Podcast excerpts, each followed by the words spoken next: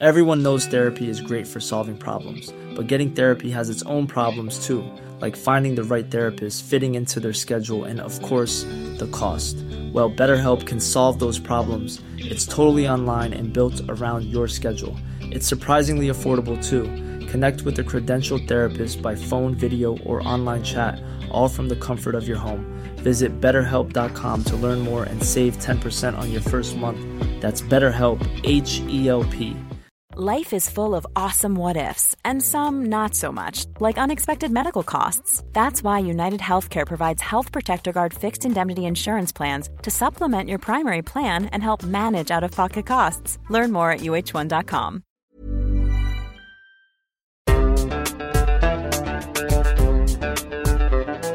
بودكاست صوت تنويه بعض المقاطع ربما تكون مزعجة لبعض المستمعين.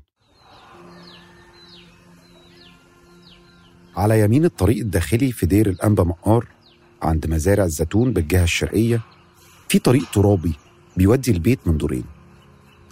مبنى كله طوب أبيض ما عدا جزء صغير من الدور الأرضي مبني بالطوب الأحمر والبيت كله متحوط بشجر من الأربع جهات.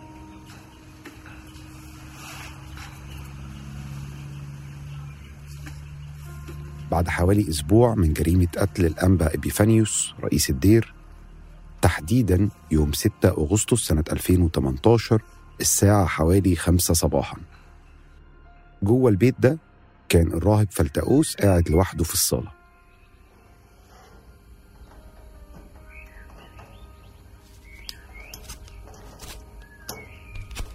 بيقطع خرطوم أنبوبة البوتاجاز الموجودة في المطبخ وبعدين بيمسك سكينة ويعمل قطع في إيده اليمين وإيده الشمال ويبدأ ينزف.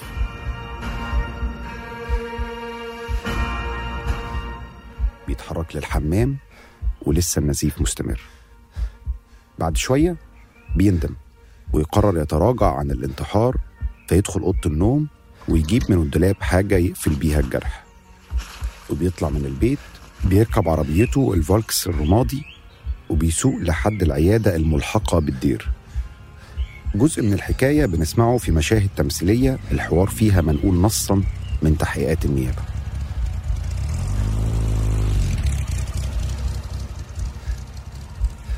أنا عامل السويتش الخاص بالتليفونات. اللي حصل إن حوالي ستة إلا عشرة كنت قاعد مع اتنين رهبان وسمعنا صوت الجرس فلقيت الراهب فلتقوس واقف على البوابة وبيسألني على الراهب الطبيب. ففتحت له البوابة الداخلية ومشيت. الراهب فلتقوس بيدخل العيادة في بلوك رقم 31 بيدور على الدكتور ما بيلاقيهوش فبيطلع الدور التاني والتالت والرابع ويفضل يدور عليه. فكر إنه يطلع فوق السطح ويحاول يشوفه من فوق. كان دايخ حسب كلامه هو نفسه في التحقيقات بعدين بسبب الدم اللي نزفه. فيختل توازنه ويقع ويتشعلق في السور لثواني. يفضل متشعلق والثواني غالبا كانت بتمر ببطء. لكنه ما بيقدرش وبيقع من الدور الرابع.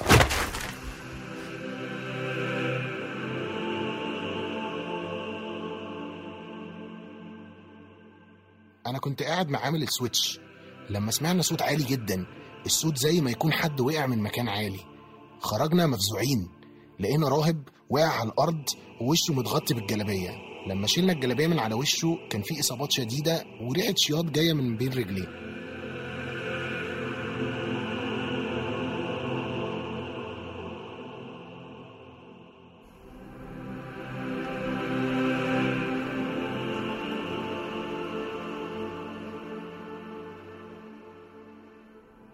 بعد ساعات بيتكتب تقرير طبي في مستشفى الأنجلو أمريكان في القاهرة.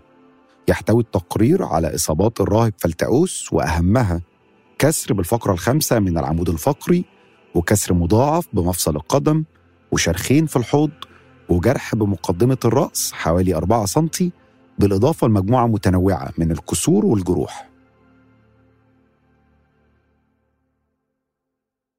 بعد أقل من أسبوع من محاولة الانتحار بيتوجه لفلتقوس اتهام رسمي بالاشتراك في قتل الأنباء ايبيفانيوس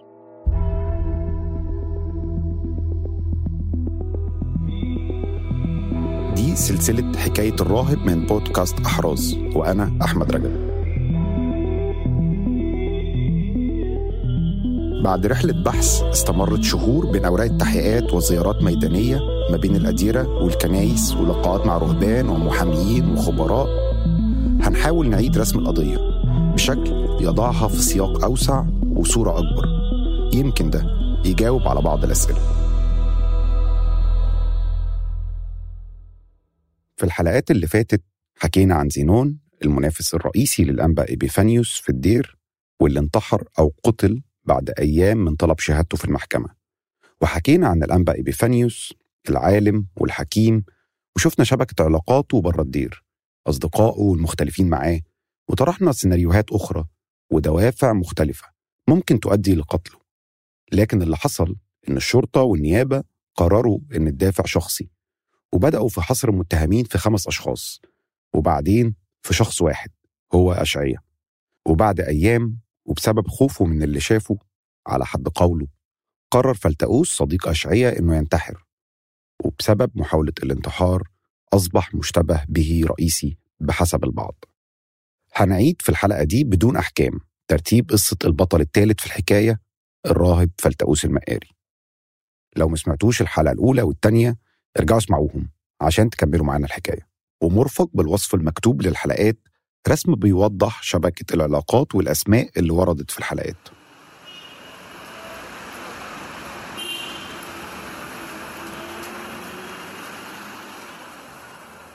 عمارة رقم 28 شارع شبرا في قلب القاهرة.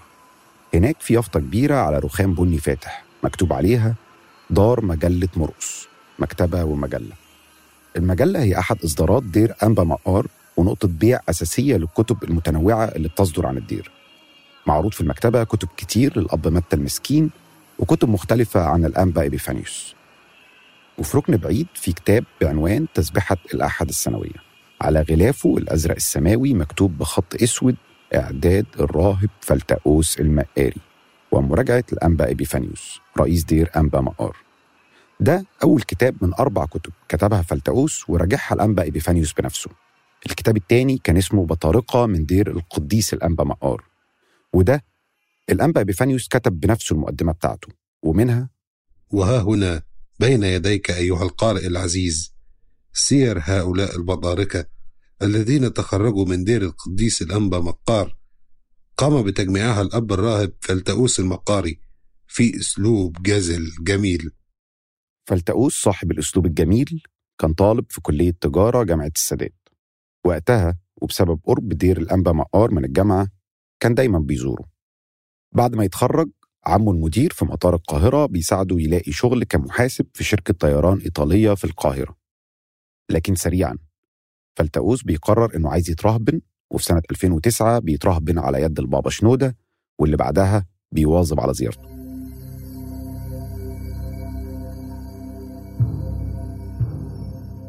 وبعد وصول الأنبا إبيفانيوس لرئاسة الدير عام 2013 كانت علاقته بفلتؤوس لها أوجه كتيرة.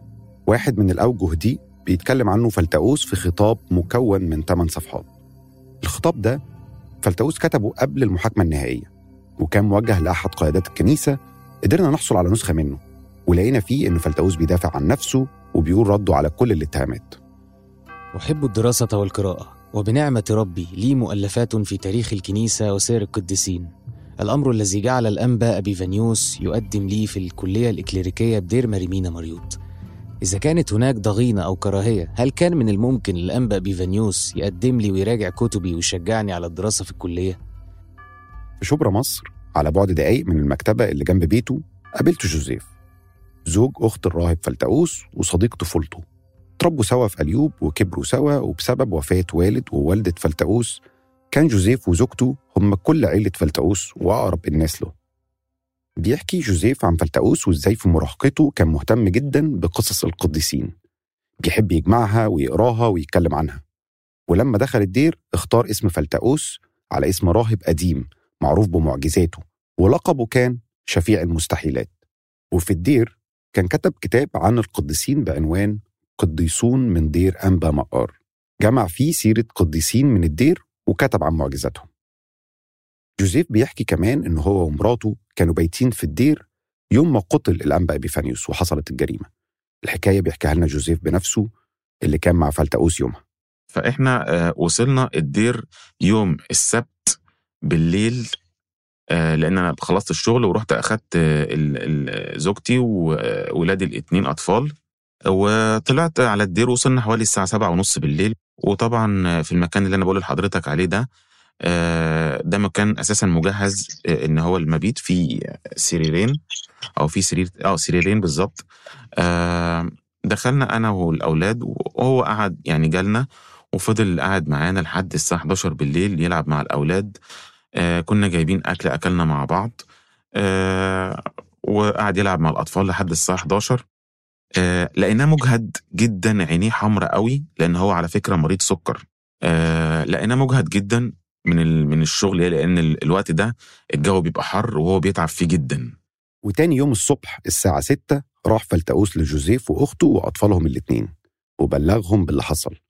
وطلب منهم يمشوا من الدير وفضل على تواصل معاهم الأيام اللي بعد كده. لما كلمته في التليفون كان بيقول لي عادي ما فيش أي حاجة لأ بس يعني الدير مقلوب وفي آه، تحقيقات جامدة. حتى الدواء بتاعه بتاع السكر كان خلص. قلت له طب حتى اجيبه لك وكده أو أي حد ابعته لك يجي بيه.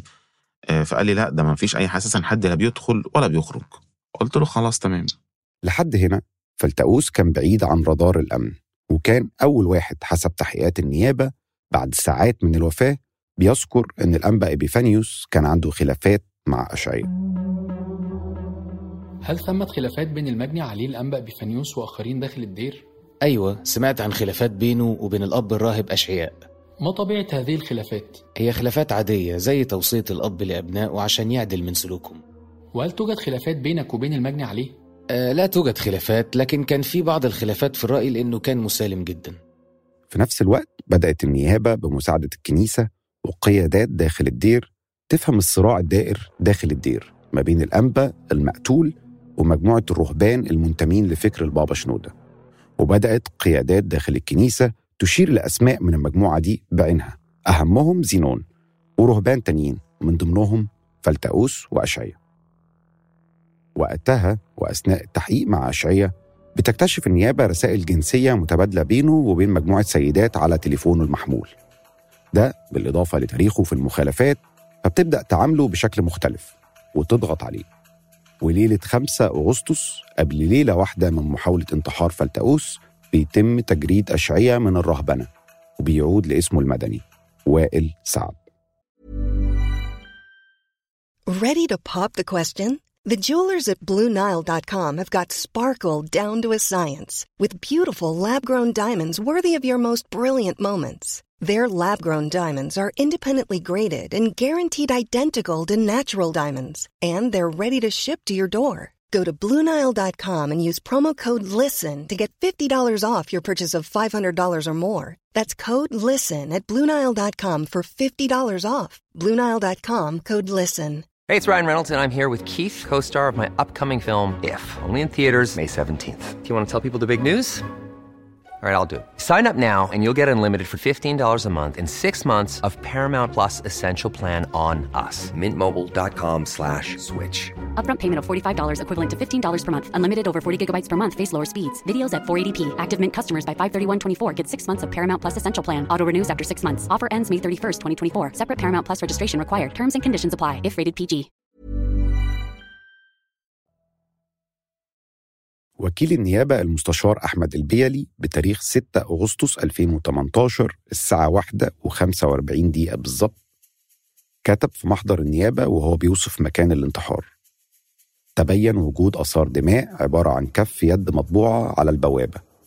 وجوه وجدنا بقعة دم كبيرة أمام البلوك رقم 31 كمان وكيل النيابة لاحظ وجود عدد من النقط الحمراء ثم نقط متتالية بمساحة 10 متر. بتنتهي عند مدخل البلوك رقم 32 وبعدين نقط دم على السلم وبعدين نقط دم فوق السطح وآثار دماء على السور الخارجي للسطح. كأن كان في شخص متعلق في السور وإيده فيها دم.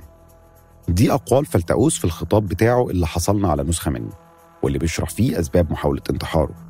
بدأ المحققون في التركيز على خمسة آباء في التحقيق وهم زينون، صليب وأنطونيوس وأشعياء وفلتأوس.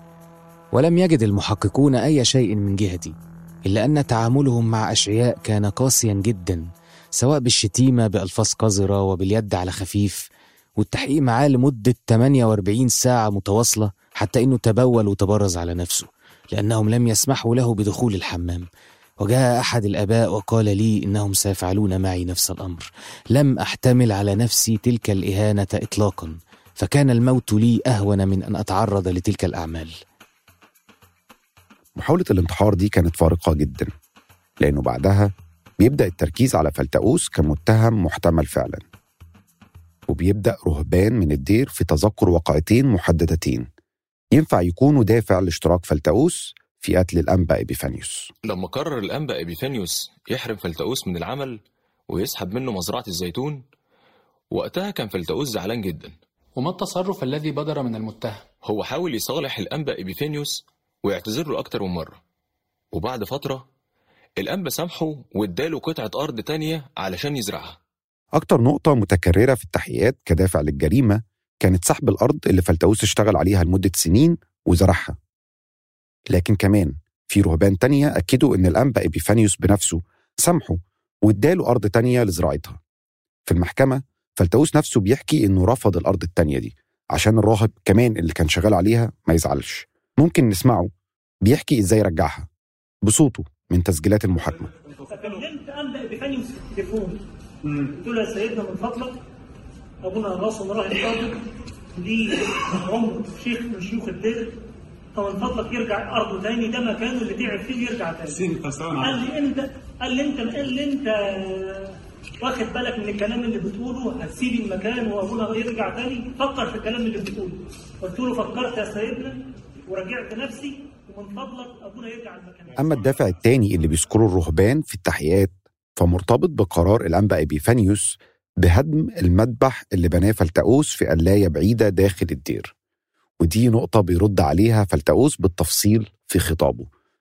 كانت لي قلاية تبعد عن الدير نحو ثلاثة كيلومترات فوقها مذبح صغير. لم نكن نصلي فيه إلا على فترات. إلى أن الأنبا أفيفانيوس طلب مني أن ألغي هذا المذبح لنكون كلنا حول مذبح واحد. قلت له بالحرف أنا ابنك وتحت أمرك يا سيدنا. وفعلت كما قال. وهذا الأمر له أكثر من خمس سنين. هل بعد خمس سنين أفكر في الانتقام؟ بنظر البعض تعتبر محاولة الانتحار هي سبب تحول فلتأوس لمشتبه به رئيسي زي ما بيوضح لنا جوزيف.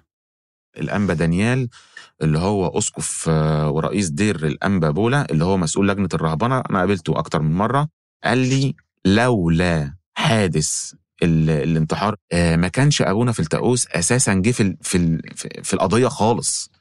ده كان بره وإحنا كنا بنسأل الناس هناك جوه الدير بتوع الأمن والتحقيقات آه، قالوا إن, إن يعني هو ده بس.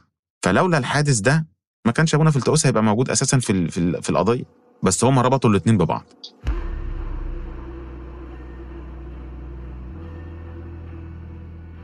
يوم 10 أغسطس بعد حوالي أسبوعين من مقتل الأنبا إبيفانيوس وبعد أربع أيام من محاولة انتحار فلتأوس بيعترف أشعية في التحقيقات إنه ارتكب جريمة القتل بالشراكة مع فلتأوس. إحنا اتفقنا إننا نجيب آه، عصاية حديد ونستخبى في المكان. اللي الأنبأ أبيفانيوس بيعدي منه دايما يوم صلاة قداس الحد. وفلتأوس هيراقب الطريق وأنا هضربه. في اليوم التالي مباشرة بتروح النيابة للمستشفى للمرة التانية. والمرة دي بتواجه فلتأوس باعترافات صديقه وبتتهمه رسميا بالاشتراك في قتل الأنبأ إبيفانيوس وهو الشيء اللي بينكره فلتأوس تماما وبيقول كله كذب.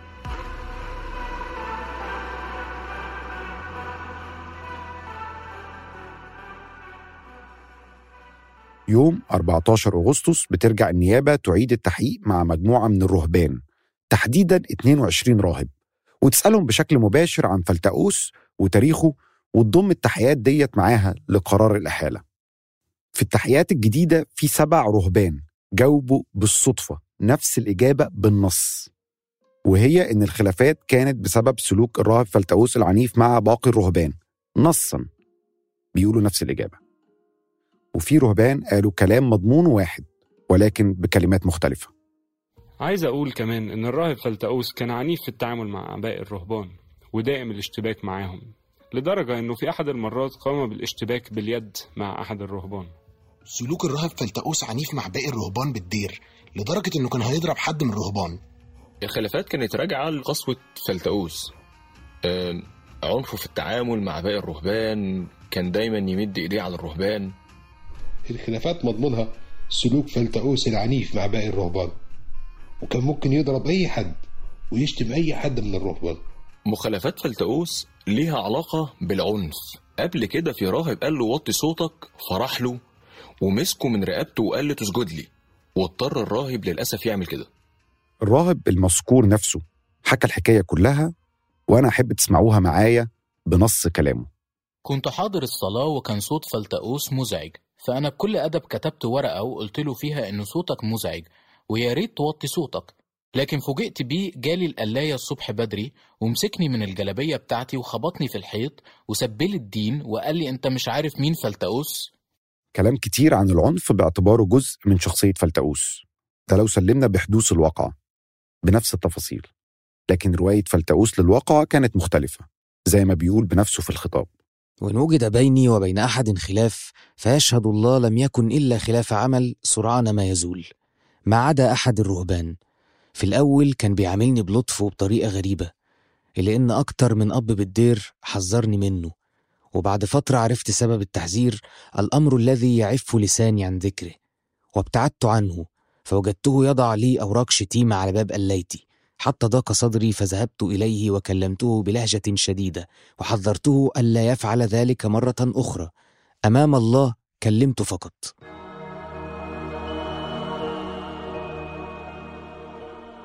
وبعد حوالي 20 يوم من بداية التحقيقات تحيل النيابة القضية إلى المحكمة وهي مدة قصيرة جدا بمعايير النوع ده من قضايا القتل. وتبدأ جلسات المحاكمة بيغيب فلتاؤس عن الجلسة الأولى والجلسة الثانية بسبب إصاباته. لكن المفاجأة كانت إن المحامي بتاعه هو نفسه ممنوع يشوفه. ده مقطع من برنامج 90 دقيقة اللي بيقدمه أستاذ محمد الباز وبيستضيف فيه المحامي ميشيل حليم محامي فلتاؤس اللي بكرة آه، هل فلتاؤس هيحضر ولا لأ؟ والله يا فندم أنا معلوماتي بتقول إن فلتاؤس إلى تاريخه في حاله صحية مش كويسة. تمام. قابلت موكلك كم مرة يا فندم؟ ما قابلتوش ولا مرة يا فندم. ولا مرة؟ آه يا فندم. أمال أنت بت ب- يعني بتدافع نظري ولا إيه؟ لا يا فندم أنا بدافع من موجب التحقيقات اللي في الأوراق. آه.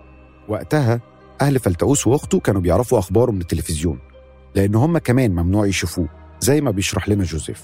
إحنا مثلا هي كأخته ناس كتير كانت بت بتضايقها ناس كانت بت كانت تبص لها بصة مش مظبوطة يتكلموا وناس كتير يعني اتصدمنا فيها. آه كنا ما شفناش يوم في, في الشهرين دول إلا لما كنا بنقعد لوحدينا كده. حتى لما كنا بننام حضرتك كنا بنقعد في أوضة لوحدينا. من كتر الخوف ومن كتر القلق ومن كتر ال ال ال ال الحزن اللي إحنا قاعدين فيه لأن هي طبعا كانت منهارة ومحدش ليها وأنا الوحيد اللي قاعد جنبيها. فلا إحنا اتعذبنا جدا خلال الشهرين ونص دول. من يوم 29 يوليو وقت لما طلب فلتأوس منهم يغادروا الدير لحد يوم 10 أكتوبر. محدش من أهل فلتأوس أو محاميه قدر يلتقيه. عزلة إجبارية وبعد أكتر من شهرين قبل الجلسة الثالثة من محاكمته حصل أخيرا لقاء. الصدمة الكبرى بقى لما شفناه عبارة عن يعني عن هيكل عظمي. ليه بقى؟ لأن حضرتك هو طبعا آه، في الفترة دي آه، كل اللي كان واصل له إن إحنا طبعا ممتنعين عنه أو اتبرينا منه أو مش عايزين نشوفه. وخلاص سبناه آه، آه، الكنيسة كمان سابته واتبرت منه وقالت إن هو جردته يعني عزلته من رتبته الكنسية. أخت فلتأوس شافته في أول زيارة بعد جريمة القتل ومحاولة الانتحار. في مبنى ملحق ومستشفى القصر العيني بيسموه سجن القصر العيني. في الدور السابع في أوضة صغيرة حوالي مترين في 3 متر. ما فيهاش أي أجهزة طبية نايم على سريره متغطي بملاية زي ما أخته وصفت لنا بالظبط في رسالة منها. بعد الحكم اتنقل فلتأوس لمستشفى سجن برج العرب اللي الوضع فيها كان مختلف. كل من يحاول التطاول أو التهكم أو الاستهزاء علي يتم فيه قول مخلصنا. ويكفي ما حدث لرئيس مصلحة السجون مساعد الوزير عندما وقف أمامي وقال للضباط سيبوه ينتحر ده مكلف الوزارة حراسة بالشيء الفلاني. ولم يمر على تعيينه ثلاثة شهور قبل أن يقيلوه من منصبه. أما أحد أمناء الشرطة اللي كان بيتري على اسم فلتأوس فدبر له أحدهم مكيدة وتم نقله ونزل درجة. المعجزات اللي بيشوف فلتأوس إنها بتحصل له أو الرعاية السماوية اللي بيشوف إنها بترعاه كان يتمنى يحصل على جزء منها خلال جلسات المحاكمة المتتالية. ويمكن حس بإن المعجزة قربت وهو على سريره في قاعة المحكمة. وقتها وكيل النيابة كان بيقول مرافعة على منصة جنب القضاة وتحت المنصة كان فلتأوس ماسك كتاب وبيسبح وبيصلي. وفجأة الكهرباء قطعت. لكن بعدها بدقايق في أمين شرطة بيطلع بيفتح موبايله بيشغل الكشاف لوكيل النيابة اللي بيكمل المرافعة عادي جدا. ارتكاب المتهمين وائل سعد تودروس ميخائيل. وريمون رسمي منصور فرج لجريمة القتل المجني عليه الأنبا أبي فارس أسقف ورئيس دير الأنبا مقار بوادي مطرون عمدا مع سبق الإصرار والترصد.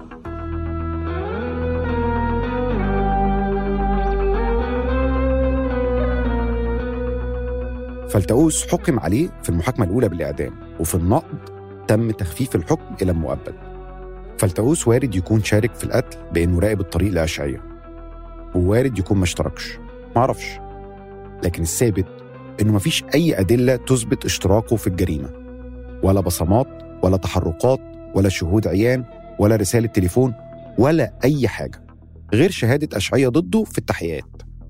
وهي الشهادة نفسها اللي أنكرها أشعية بعدين في المحكمة. لكن زي ما فلتأوس بيشتكي في رسالته لم يسمع القاضي لأي شيء. جرت المحاكمة سريعا وفي جلسة الحكم في محكمة الجنايات بدأ فلتأوس وهو نايم على السرير يصلي بصوت عالي وفي إيده كتاب مكتوب عليه شفيع المستحيلات.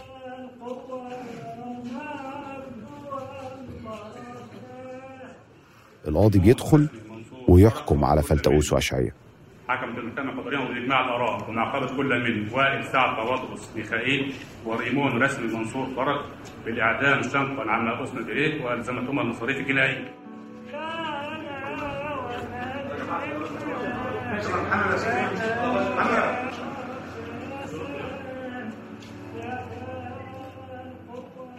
فلتأوس مازال بيقضي عقوبة السجن المؤبد في سجن مستشفى برج العرب بعد تخفيف الحكم عليه. ومازال عنده أمل يخرج قريب بعفو صحي زي ما وعدت أهله قيادات من الكنيسة. في نهاية خطابه فلتأوس بيطلب التوسط والشفاعة له عند الأنبا أرامية. سكرتير البابا شنودة السابق وأحد قيادات الكنيسة. بيطلب منه التوسط لصالحه لأنه زي ما بيقول بالنص في الجواب له علاقة طيبة بالدولة والجهات الأمنية. وبيختم الخطاب من وسط القيود والآلام من أتون النار والعذاب من جب الأسود في التأوس المكاري سجن برج العرب.